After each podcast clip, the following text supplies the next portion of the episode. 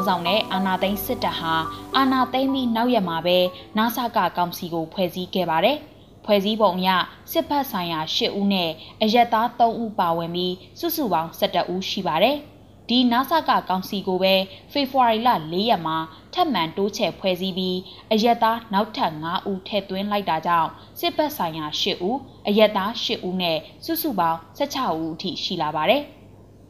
အရက်သားအမိခံနာဆကကောင်စီထဲရောက်သွားသူတွေကတော့ဖတ်တိုမန်းငိမ့်မောင်ဦးသိမ့်ညွန့်ဦးခင်မောင်ဆွေဒေါ်အေးနှုစိန်ဂျမ်ဖန်းနော်တောင်ဦးမောင်ဟာဦးဆိုင်လုံးဆိုင်စောဒန်နီရဲတို့ဖြစ်ပါတယ်ဒီသူတွေဟာတစ်ချိန်ကစေအုပ်စုကိုလက်နက်ကင်ဆန့်ကျင်ခဲ့တဲ့အဖွဲ့အစည်းတွေကဖြစ်တယ်လို့တချို့ဟာလည်းအမျိုးသားဒီမိုကရေစီအဖွဲ့ချုပ် NLD ပါတီကခွဲထွက်ပြီးပါတီတစ်ထောင်ပြီးမအောင်မြင်သူတွေဖြစ်ကြပါတယ်။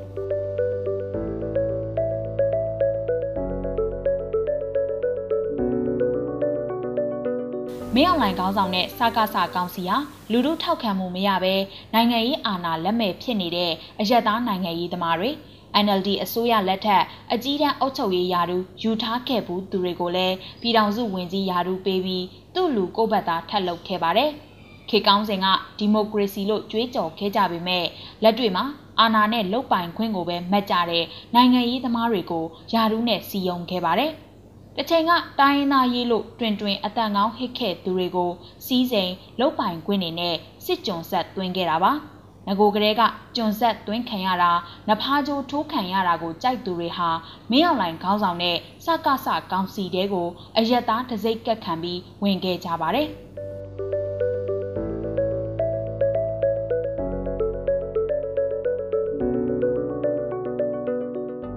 ဒီမိုကရေစီအမြင့်တွေရှင်သန်နေတဲ့နိုင်ငံတွေမှာစစ်ဖက်အရက်ဖက်ဆက်ဆံရေးဆိုတာပေါ်ပေါ်တင်တင်ကြီးမရှိပါဘူးလူထုကိုဥထိပ်ပန်ဆင်တဲ့ဒီမိုကရေစီစနစ်ကြောင့်စစ်ဖက်နိုင်ငံရေးဆိုတာလည်းမရှိပါဘူးစစ်တပ်ဟာအရက်သားတွေတင်မြှောက်ထားတဲ့ရွေးကောက်ခံအစိုးရလက်အောက်ကကာကွယ်ရေးရန်ရာတစ်ခုအဖြစ်နိုင်ငံလုံခြုံရေးရဲ့ခွေးသွားစိတ်တစ်ခုအဖြစ်သာရှိလေရှိပါတယ်။ ဒါပေမဲ့နိုင်ငံကိုကာကွယ်ရမယ့်စစ်တပ်က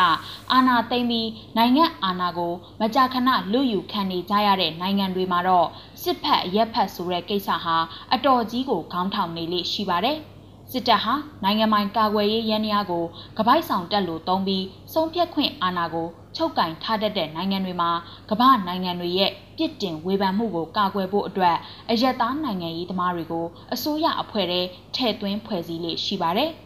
ဒီလိုအခြေအနေမှာအယက်သားဆိုသူတွေဟာနိုင်ငံရေးသမားဆိုတဲ့အရေးကိုခြုံပြီးစုံပြက်ခွင့်အာဏာကိုသိမ်းယူထားတဲ့လက်နက်ကင်စစ်အုပ်စုကိုအလုတ်ကျွေးပြုတ်ပေးရလေရှိပါတယ်။အပြန်အလှန်အားဖြင့်လုတ်ပိုင်ခွင့်အာဏာစီးစိမ်ချမ်းသာတွေကိုတဖန်ပြန်ယူကြလေရှိပါတယ်။မြန်မာပြည်မှာလဲဘိုးနေဝင်းလက်ထက် နိုင်ငံကိုအနိုင်ထက်အာဏာသိမ်းပြီးကလေးကစစ်ဖက်ရက်ဖက်ဆက်ဆံရေးဆိုတာကြီးဖြစ်တည်လာသလိုစစ်အုပ်စုခိုင်းသမျှစစ်အုပ်စုနဖားကြိုးထိုးသမျှလိုက်လုပ်ပေးမဲ့နိုင်ငံရေးသမားအမိခံတွေအစဉ်အဆက်ရှိလာခဲ့တာဖြစ်ပါတယ်။မင်းအောင်လှိုင်ခေါင်းဆောင်တဲ့စစ်အုပ်စုဟာစကားစကောင်စီတဲ့စစ်ကြုံခံလို့သူအယက်သားနိုင်ငံရေးသမားတွေကိုဒီလိုနည်းနဲ့ထည့်သွင်းထားတာပဲဖြစ်ပါတယ်။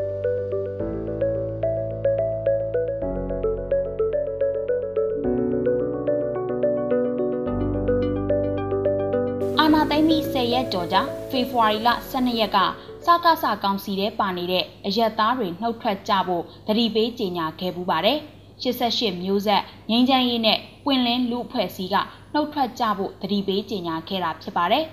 လူလူရွေးကောက်တင်မြှောက်ထားတဲ့အစိုးရကိုဖမ်းဆီးပြီးအာဏာသိမ်းချတာဖြစ်ပြီးစစ်ကောင်စီထဲပါဝင်နေတဲ့အရက်သားတွေအနေနဲ့ ပြည်တွင်းပြည်ပအရေးယူဒဏ်ခတ်မှုကိုရှောင်ရှားနိုင်ဖို့အတွက်အမြန်ဆုံးနှုတ်ထွက်ကြဖို့တတိပေးကြေညာခဲ့တာလည်းဖြစ်ပါတယ်။ဒါပေမဲ့လူထုကိုတပ်ဖြတ်ပြီးနိုင်ငံအာဏာကိုအတ္တမယူထားတဲ့စစ်တပ်ကပေးမဲ့နိုင်ငံရေးအာဏာအယိုးရင်ကြိုက်လို့သူတွေကတော့ဒီကြေညာချက်ကိုမျက်ကွယ်ပြုခဲ့ကြပါတယ်။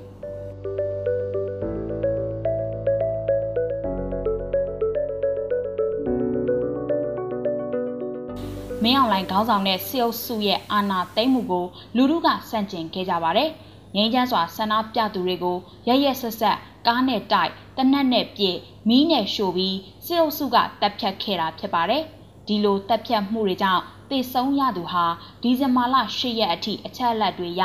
1118ဦးအထိရှိပြီးဖဖမ်းဆီးခံရသူတွေဟာတောင်းတထောင်နီးပါးအထိရှိနေပါပြီ။ အဲ့ဒီနီတူစေအုပ်စုအကြမ်းဖက်မှုကြောင့်နေအိမ်ကိုစွန့်ခွာထွက်ပြေးနေရသူတွေဟာတိမ့်နဲ့ချီရှိလာနေပါပြီ။ကျွန်တော်ကျမတို့ကစစ်တပ်ကမဟုတ်ပါဘူး။အယက်သားနိုင်ငံရေးသမားတွေပါဆိုသူတွေဟာစေအုပ်စုကအယက်သားပြည်သူတွေအပေါ်ဒီလိုလှုပ်ဆောင်နေတာနဲ့ပတ်သက်ပြီးအာစီးမိထားကြပါတယ်။ စစ်တပ်နဲ့တစ်ဖက်သေးရက်တီပြီးတစ်ချိန်ကသူတို့ဗဇက်တွေကတတွင်တွင်နှုတ်တိုက်အာကုန်ဆောင်ခဲ့ကြတဲ့ဒီမိုကရေစီအရေးတို့တိုင်းရင်းသားအရေးလူအခွင့်အရေးဆိုတဲ့ယုံကြည်ခဲ့မှုကိုကိုကိုလေးစားမှုတွေကိုခွာချပြီးနှုတ်ပိတ်နေခဲ့ကြတာပါ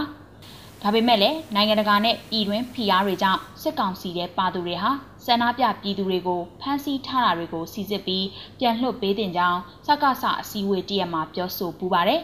ဒါဟာအယက်သားပြည်သူတွေအပေါ်စိတ်စေတနာကောင်းလွန်းလို့တော့မဟုတ်ပါဘူး။နောက်တစ်ချိန်စေအုပ်စုကအရေးနှိမ့်လို့လူမှုတင်မြောက်သူတွေတက်လာခဲ့ရင်သူတို့ဟာအယက်သားပြည်သူတွေဖမ်းဆီးခံရတာကိုကြည်နေခဲ့သူတွေမဟုတ်ဘူးလို့ထမ်းလျက်နဲ့ကာဖို့ပြင်တဲ့အကွက်တွေဖြစ်ပါတယ်။ဒါပေမဲ့လည်းနောက်ပိုင်းစေအုပ်စုကအယက်သားတွေပေါ်ကျူးလွန်တဲ့ရာဇဝတ်မှုတွေနဲ့ပတ်သက်လို့ဒီအယက်သားဇက်ပြက်တွေနှုတ်ဆက်သွားပြန်ပါတော့တယ်။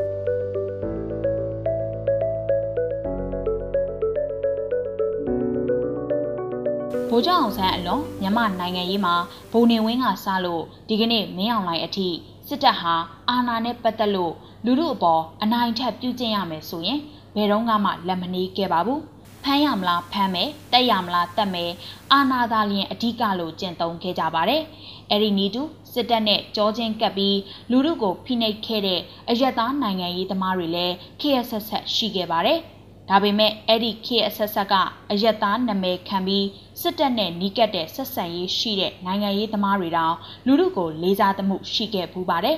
လူလူအပေါ်စစ်တပ်ကအနိုင်ထက်ပြုကျင့်နေရင်တော့ခြေလွန်လက်လွန်ဗရိတ်မလွန်ဖို့တားမြစ်ကြလေးရှိပါတယ်ဒါပေမဲ့ဒီကနေ့အာနာသိန်းစစ်တပ်ခေါင်းဆောင်မင်းအောင်လှိုင်လက်သက်မွေးထားတဲ့အယက်သားအရေးချုံနိုင်ငံရေးသမားတွေဟာမူလအာဏာရှင်လူလူကိုလေးစားရမှာထက် စစ်တပ်အမိန့်နာခံရေးကိုသာတွင်တွင်လုပ်နေကြပါတယ်။ဒီဇင်ဘာလာဇန်ပိုင်းမှာဖြစ်ခဲ့တဲ့နိုင်ငံတကာကတောင်အောချမင်းတက်ရတဲ့စစ်အုပ်စုရဲ့ရက်ဆက်ရုံမာမှုတွေနဲ့ပတ်သက်လို့နှုတ်ဆက်နေခဲ့ကြပါတယ်။ရန်ကုန်ကြီးမြင့်နိုင်ပန်းမင်ကြီးလမ်းကဆန္ဒပြလူငယ်တွေကိုကားနဲ့တိုက်တနက်နဲ့ပစ်တက်မှု စားလင်ကြီးဒုံတော်ရွာအနီးကိုင်းတော်မှာဒေသခံပြည်သူအမြောက်များကိုလက်ပြန်ကျိုးတုပ်မိရှို့တပ်ဖြတ်ခဲ့မှုတွေကိုကမ္ဘာနိုင်ငံအသီးသီးကစုပ်တက်နေချိန်မှာဒီစစ်ကောင်စီတွေကအယက်သားအရေးချုံနိုင်ငံရေးသမားတွေကတော့နှုတ်ပိတ်နေခဲ့ကြပါတယ်။ကိုဘာသာကိုအယက်သားတစိမ့်ကပ်ပြီးစစ်ဖက်နှက်အောက်တိုးဝင်ရေးကိုသာလှုပ်ဆောင်နေခဲ့ကြပါတယ်။ဒီလိုနှုတ်ဆက်နေကြဖို့အတွက်ကိုလည်းမင်းအောင်လှိုင်ခေါင်းဆောင်တဲ့စစ်တပ်ကသူတို့ကိုပြန်လန်းမဲ့ ထွက်ပေါက်မဲ့ကြောင်နဲ့တွန်းပို့ထားပြီးသားဖြစ်ပါတယ်။မင်းအောင်လှိုင်ခေါင်းဆောင်တဲ့စစ်အုပ်စုဟာလူလူအပေါ်အရိုင်းဆိုင်ဆုံးအကြမ်းတမ်းဆုံးအဆိုးဝါးဆုံးနီးတွေနဲ့ဖိနှိပ်တာဟာကန်းကုန်နေပြီလို့အထူးပြောစရာမလိုတော့ပါဘူး။ဒါပေမဲ့တစ်ချိန်တစ်ခါကလူလူထောက်ခံမှုရယူထားပြီးဒီကနေ့အယက်သားနိုင်ငံရေးသမားပါလို့ကိုဘာသာကိုတစိမ့်ကတ်ထားတဲ့စစ်ဖက်နှက်အောက်ကနိုင်ငံရေးသမားတွေဟာစစ်တပ်ထက်ကိုစိုးဝါရုံမာတဲ့လူတွေဖြစ်ပါတယ်။